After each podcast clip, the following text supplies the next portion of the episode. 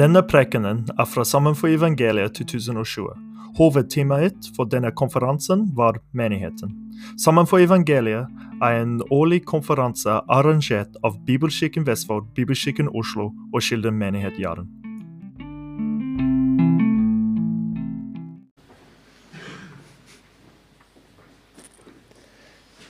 Jeg er privilegert til å kunne forsyne Guds ord for dere i kveld. Temaet som vi tar opp under denne konferansen, er et stort tema. Og Skriften bekrefter at eh, det er viktig til Gud. Det står i Efeserne 5,25 at Kristus elsket menigheten og ga seg selv for den. Menigheten har en stor rolle i Guds plan, og det er godt for oss å studere dette nærmere.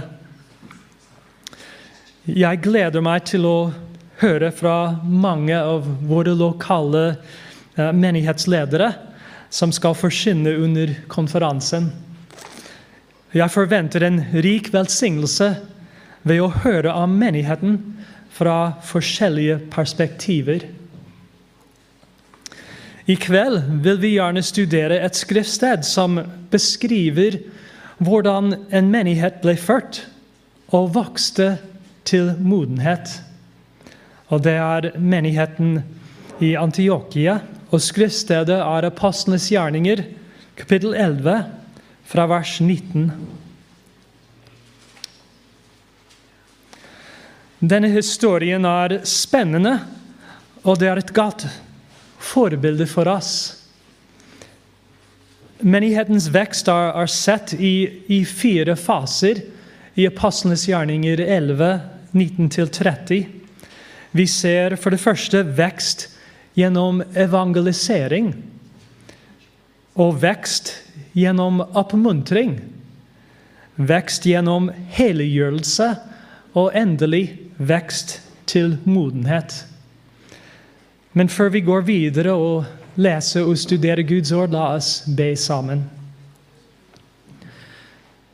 Kjære himmelske Far, vi takker deg for eh, denne kvelden, denne anledning vi har å komme sammen og høre ditt ord. Jeg ber Gud at uh, Din Hellige Ånd skal fylle meg, at du skal bruke meg som et redskap til din ære. Jeg ber at det blir ikke mitt ord som skal høres, men ditt ord, Gud. Jeg ber at vi skal ta imot ordet og anvende det slik at det blir til, eh, til ære for ditt navn. Jeg ber dette i Jesu navn. Amen. Først ser vi vekst gjennom evangelisering. Efesene, eh, Beklager. Apostlenes gjerninger 11, vers 19 21. De som nå var blitt spredt etter forfølgelsen som oppsto i forbindelse med Stefanus, reiste helt til Førnikia, Kypros og Antiokia. Og de forsynte ikke ordet til andre enn jøder. Men noen av dem var menn fra Kypros og Kirene. Da de hadde kommet til Antiokia, talte de til grekerne og forsynte Herren Jesus og Herrens hånd var med dem. Og et stort antall kom til tro og vendte seg til Herren. Jeg vil gjerne si litt om konteksten her, for vi begynner midt i apostlenes gjerninger. Men uh, i apostlenes gjerninger, kapittel 8 og vers 4, uh, vi begynner med en tråd av hendelser som skjedde etter at Stefanus ble steinet. Og disse hendelsene inkluderer evangelisering i Samaria, konvertering av Saulus og konvertering av Kornelius, hvor eh, døren, døren til frelse ble åpnet til hedningene.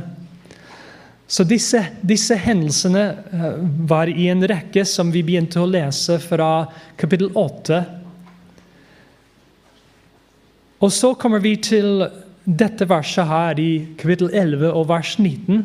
Og det begynner med lignende ord som kapittel 8 og vers 4. Det som vi leser her, er en annen tråd av hendelser som også skjedde etter at Stefanus ble steinet, og disiplene ble, ble spredt fra Jerusalem. Så det er konteksten. Og vi ser i disse versene som jeg har lest nå, at Jesu Kristi misjonsbefaling eh, er tatt på alvor.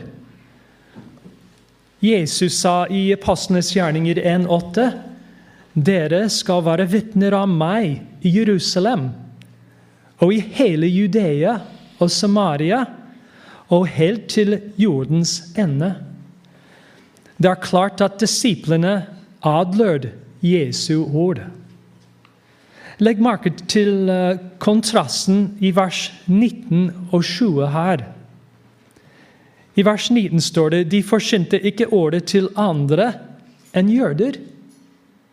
Men så i vers 20 står det de talte til grekkerne og forsynte Herren Jesus. Hvorfor denne forandringen? Vi vet ikke. Skriften sier ikke hvorfor det var denne forandringen. Men det som ordet sier i vers 21, er at Herrens hånd var med dem. Og et stort antall kom til tro og vendte seg til Herren. Gud var i ferd med å kalle et folk til seg selv fra hedningene.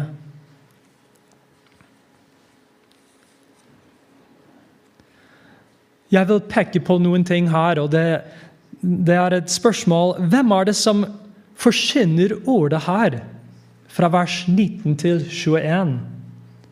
Er det apostlene? Nei, det er ikke det. I Apostlenes gjerninger 8.1 forklarer at eh, alle de troende ble spredd fra Jerusalem under forfølgelsen, bortsett fra apostlene. Så de som forkynner her, i kapittel 11, de er ikke de apostler. Nei, de er vanlige disipler og ikke menighetslederne. Det er bare Gud som kan legge folk til menigheten. Men han bruker trofaste tjenere som adlyder hans ord. Vi vil gjerne se folk lagt til våre menigheter i dag. Det er noe som vi ønsker. Og jeg tror at vi kan ta dette som et forbilde for oss. At Herren vil bruke vår personlige forkynnelse av evangeliet for å oppnå sin hensikt. Paulus kunne si til filipperne jeg takker Gud for deres samfunn i tjeneste for evangeliet. Filipperne var deltakere sammen med Paulus i tjenesten for evangeliet. Men hva om du og jeg i dag? Er vi deltakere i evangelisering? Tar vi Jesu misjonsbefaling på alvor, som disse kristne gjorde det i det første århundret? Evangeliet er fortsatt Guds kraft til frelse til hver den som tror. Jeg merker at når jeg ber om anledninger til å dele evangeliet, at Gud er trufast, og han åpner dører. Må vi alle be mer om åpne dører for evangeliet? Og må Gud gi oss frimodighet og tale sannheten når han gir anledning.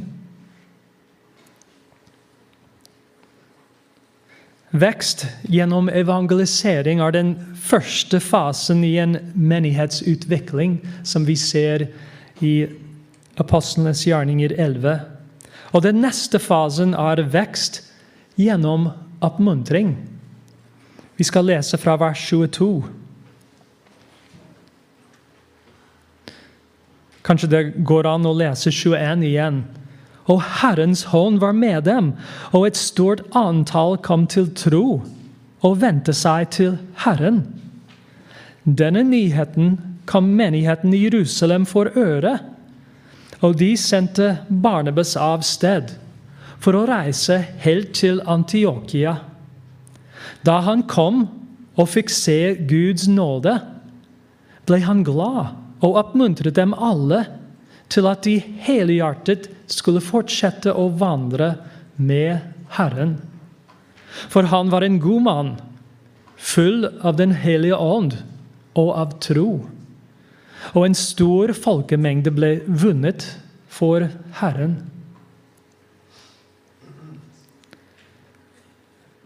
Her ser, her ser vi vekst gjennom oppmuntring.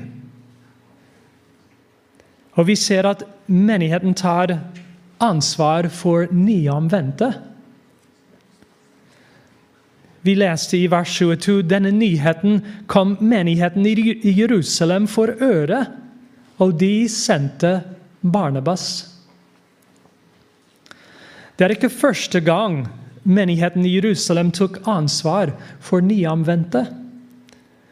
Vi leser noe lignende i Apostlenes gjerninger 8,14 hvor det står da apostlene som var i Jerusalem, hørte at Samaria hadde tatt imot Guds ord, sendte de Petter og Johannes til dem. Hva var behovet i Antiokia? Antiokia var den tredje største by i det romerske imperiet. En halv million mennesker bodde der. Litt i likhet med Oslo. Tenk på det. Byens åndelige liv var preget av hedenske templer og jødiske synagoger. Men det var ikke noe menighet der. De nye troende i Antiokia trengte støtte. Og menigheten i Jerusalem tok ansvar. De sendte Barnebas. Vi møter Barnebas for første gang i Apostlenes gjerninger i kapittel 4. Kanskje dere husker det? Hans opprinnelige navn var Joses. Og apostlene kalte ham barnebass, som betyr 'oppmuntringens sønn'. Han var kjent som en person uh, som hadde den gaven å oppmuntre andre.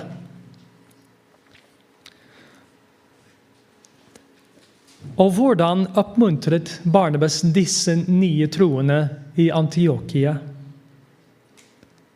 Det var ikke engangs klapp på skuldrene han ga dem. Grammatikken her indikerer at, at Barnabas oppmuntret dem continually over en lengre periode. Og hva slags oppmuntring var det? Vi leser her at, at han, han, han oppmuntret dem at de helhjertet skulle fortsette å vandre med Herren. Helhjertet innebærer å, å ha en plan og et formål. Nye kristne vet at de har nytt liv, ikke sant? Men de vet ikke hvordan de skal vandre med Jesus. Det er ukjent for dem. De trenger oppmuntring til å lese Guds ord og lære hvordan de skal be, osv. Mange ting som de, de ikke vet om, som nye i, i troen.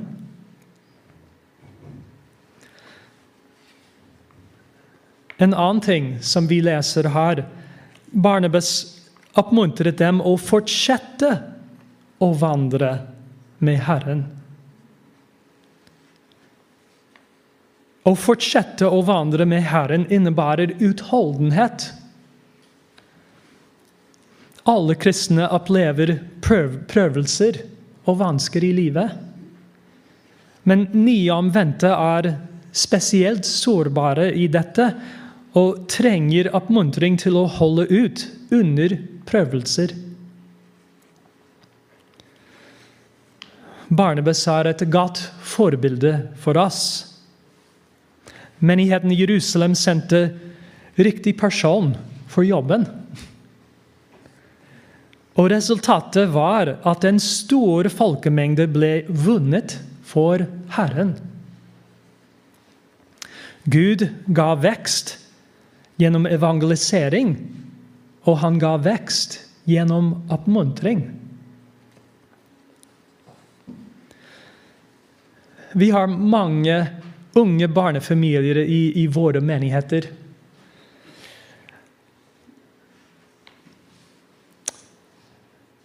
Hvem tar ansvar for de, de nyfødte som kommer inn i en familie? Det er mødre og fedre, selvfølgelig. Foreldre. Og hvis de ikke gjorde det, ville ikke barnet overleve. Nyfødte er helt avhengige av omsorg fra voksne. Unge barn trenger foreldres støtte i ganske mange år før de blir helt selvstendige. Men hva skjer i en menighet når noen blir ført på ny? Hvem tar ansvar? Fins det åndelige foreldre som kan gi den omsorgen som trengs? Forhåpentligvis.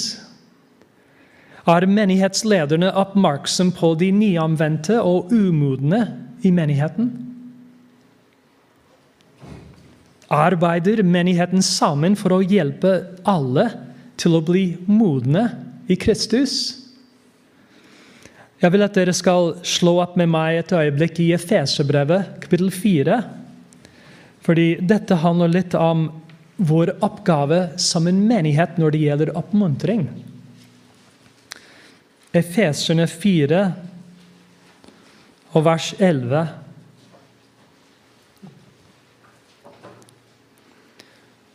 Og han, Jesus, ga noen til å være apostler, noen til profeter, noen til evangelister, noen til hyrder og lærere, for at de hellige skulle bli utrustet til tjenestens arbeid, til oppbyggelse av Kristi legeme, inntil vi alle når fram til troens enhet og til kunnskapen om Guds sønn, til manns modenhet, til det mål av vekst som romer Kristi fylde. Vi kunne lese videre her, men poenget er at eh, det er ikke bare ledernes ansvar å ta vare på de nyfødte som kommer inn i en menighet. De, de, de som er ført på ny. Nei, det er egentlig hele menighetens oppgave å ta vare på dem.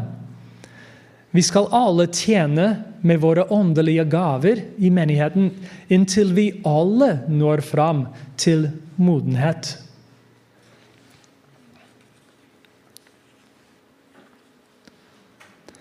Så jeg vil spørre spør deg nå Hvem er de som du oppmuntrer nå for tiden i menigheten din?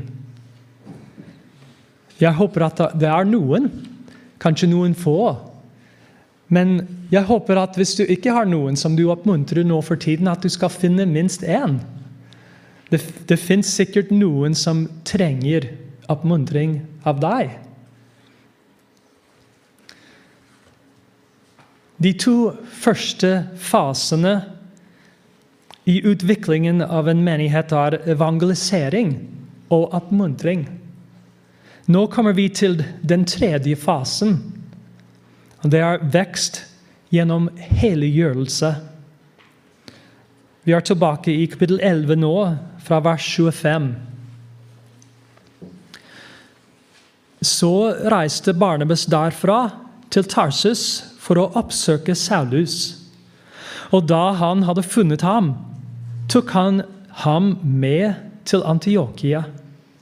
Slik skjedde det at de gjennom et helt år var sammen med menigheten og underviste et stort antall mennesker. Og det var i Antiokia at disiplene først ble kalt kristne.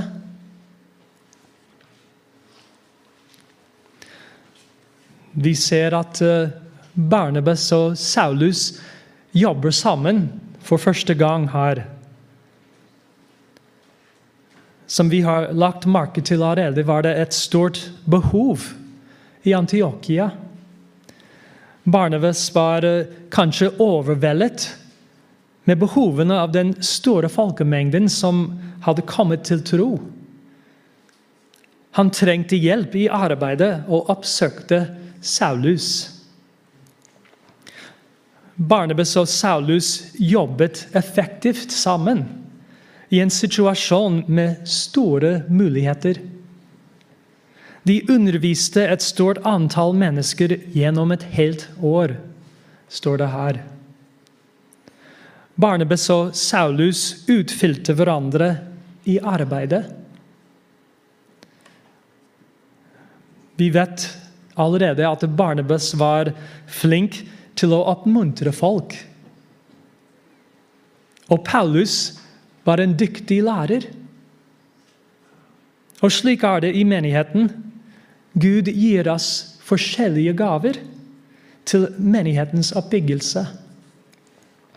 Og legg merke til resultatene som vi leser her. De troende er samlet, og vi leser for første gang i vers 26 at de nå kalles en menighet. De var ikke det i begynnelsen. ikke sant? De var bare noen nyfødte i Kristus. Men nå, i vers 26, er de en menighet. En menighet ble grunnlagt. Ordet menighet betyr simpelthen utkalt. Men Apostlenes gjerninger kapittel 2 og vers 41 og 42 beskriver for oss uh, den første menigheten i Jerusalem. Jeg skal lese disse versene. Apostlenes gjerninger 2, 41 og 42. De som nå tok imot Hans ord med glede, ble døpt. Og den dagen ble omkring 3000 sjeler lagt til de andre. Og de holdt hele tiden urokkelig fast ved apostlenes lære og ved samfunnet, ved brødsbrytelsen og ved bønnene. Nå ser vi det samme mønster repetert her i kapittel 11, med en ny menighet med Antiokia. Hva er en menighet? Ut fra disse skriftstedene kan vi se at en menighet er en forsamling av folk som er kalt ut av verden gjennom adlydelse til evangeliet. De er organisert med ledere som underviser Guds ord, og leder flakken til å tjene og adlyde Herren. Og de gjør det gjennom brødsbitelsen, bønn og disippelgjøring. Det er det som vi kan se av er en menighet. Så står det altså i kapittel 11, vers 26, et interessant utsagn. Og det var i Antiokia at disiplene først ble kalt kristne. Betegnelsen kristen betydde en liten Kristus. Eller en som tilhører Kristus. Dette var ikke et navn som de troende ga seg selv. De ble kalt kristne av andre. Andre erkjente at de var lik Kristus. Og dette er essensen av helliggjørelse.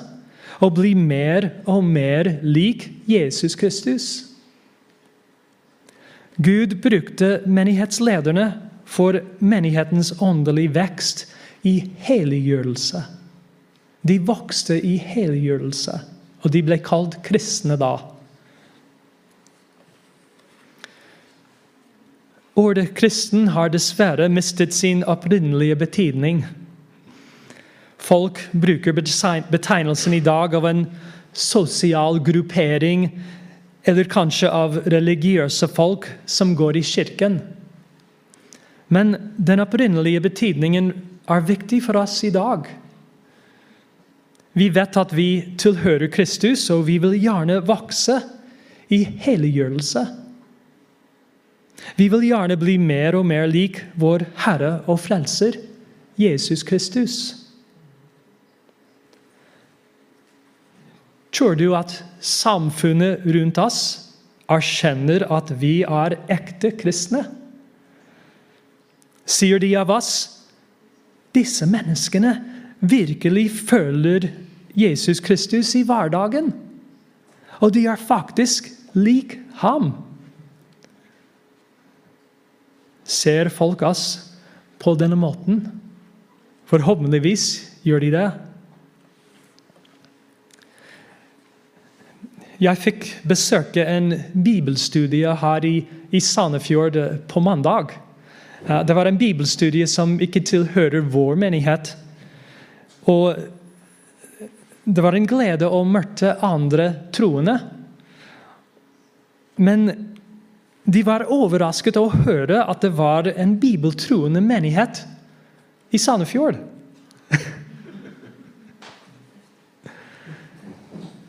Kristne i dag synes å være litt mer usynlige i samfunnet enn de var i første århundre.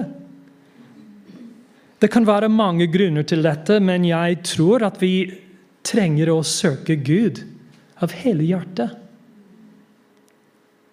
Vi trenger Han til å forvandle våre liv og vitnesbyrd, slik at vi skinner som strålende lys i denne verden. Jeg ber at Gud, Den hellige ånd, skal berøre våre hjerter under denne konferansen gjennom forkynnelse av ordet. Må vi alle vokse i helliggjørelse i disse dager.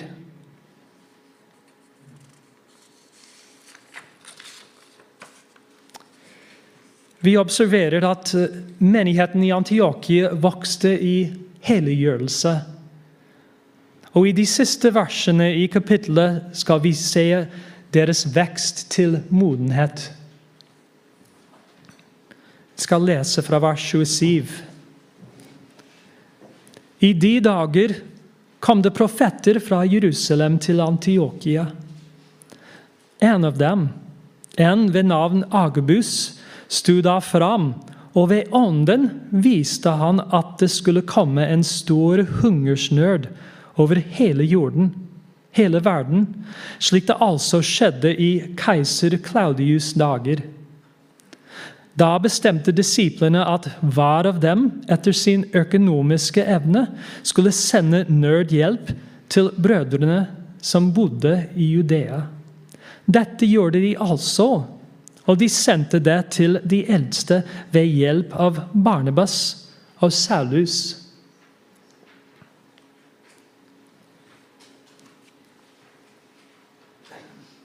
Vi ser en menighet som har kommet til modenhet. Og hva er kjennetegnet til eh, den, denne modenheten? Det første er eh, at eh, de viser gavmildhet. De viser gavmildhet. Og vi kan se at syklusen er fullført. Husk hvordan det startet med at menigheten i Jerusalem hørte at det var ni omvendte folk i Antiokia, og de sendte hjelp til dem via Barnabas. Og nå hører menigheten i Antiokia at Jerusalem trenger hjelp. Og hva gjør de? De sender hjelp tilbake. De har vokst eh, til en moden menighet som viser gavmildhet. Menighetens modenhet er altså kjennetegnet av noe annet. Og Det finner vi ikke her, men vi må eh, slå opp eh, i kapittel 13, vers 1-3. Et skriftsted som dere er, er velkjent med. Modenhet er kjennetegnet av lydighet til misjonsbefalingen, som vi leser her i kapittel 13. I menigheten i Antiokia var det profeter og lærere. Barnabas, Simeon, som ble kalt Niger, Lukius fra Kyrene, Manien, som var blitt oppfostret sammen med fjerdingsfyrsten Herodis og Saulus. Mens de tjente Herren og fastet, sa Den hellige ånd, ta ut for meg Barnabas og Saulus til den gjerningen som jeg har kalt dem til. Etter å ha fastet og bedt og lagt hendene på dem, sendte de dem av sted. Antiokie ble sendende menighet til Barnabas og Saulus på deres første misjonsreise. De var ikke bare selv opptatt som en menighet. Deres modenhet viste seg i videre evangelisering og menighetsplanting.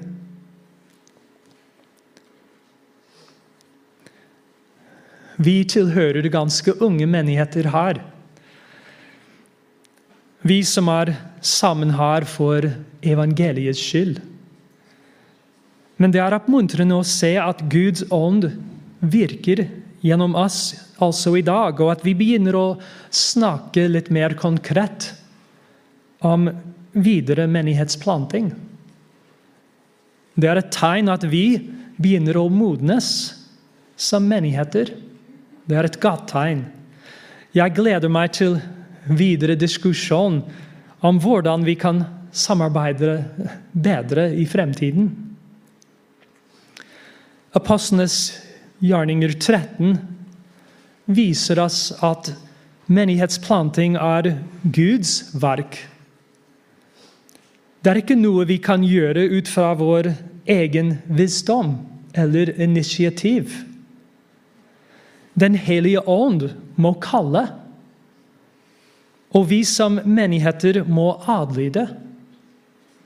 Vi må holde oss nær til Gud for å kunne høre Hans røst når Han kaller. De som er kalt til dette arbeidet, må gå i Den hellige ånds kraft og bli ledet av Gud. Jesus sa, 'Jeg er vintreet, dere er grenene.' Den som blir i meg og jeg i ham, bærer mye frukt.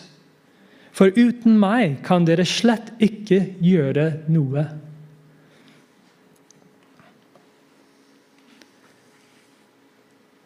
Dette er noe som vi bør holde oss i våre tanker når vi diskuterer menighetsplanting. Det er ikke noe som vi kan gjøre ut fra våre selv, men det må være et arbeid, en gjerning av Gud. Bare for å oppsummere litt. I Apostlenes gjerninger 11 og 13 ser vi et forbilde av en voksende menighet. Menigheten vokste gjennom evangelisering. Den vokste gjennom oppmuntring. Menigheten vokste gjennom helliggjørelse, og den vokste til modenhet. La oss grunne på Antiokies eksempel og anvende Skriften etter Guds vilje. La oss be sammen.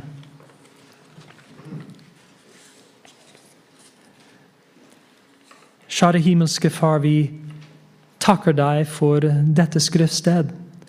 Vi takker deg for de prinsippene som du har gitt oss. Hjelp oss, Gud, å være trofaste i dag, som de kristne var i det første århundret, må vi vokse på en lignende måte som de gjorde. Og må det være til behag for deg og til din ære. Vi ber alt dette i Jesu navn. Amen.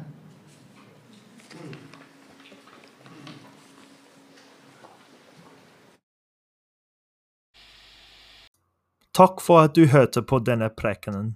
Ønsker du mer informasjon, besøk sammenforevangeliet.no eller vår Facebook-side.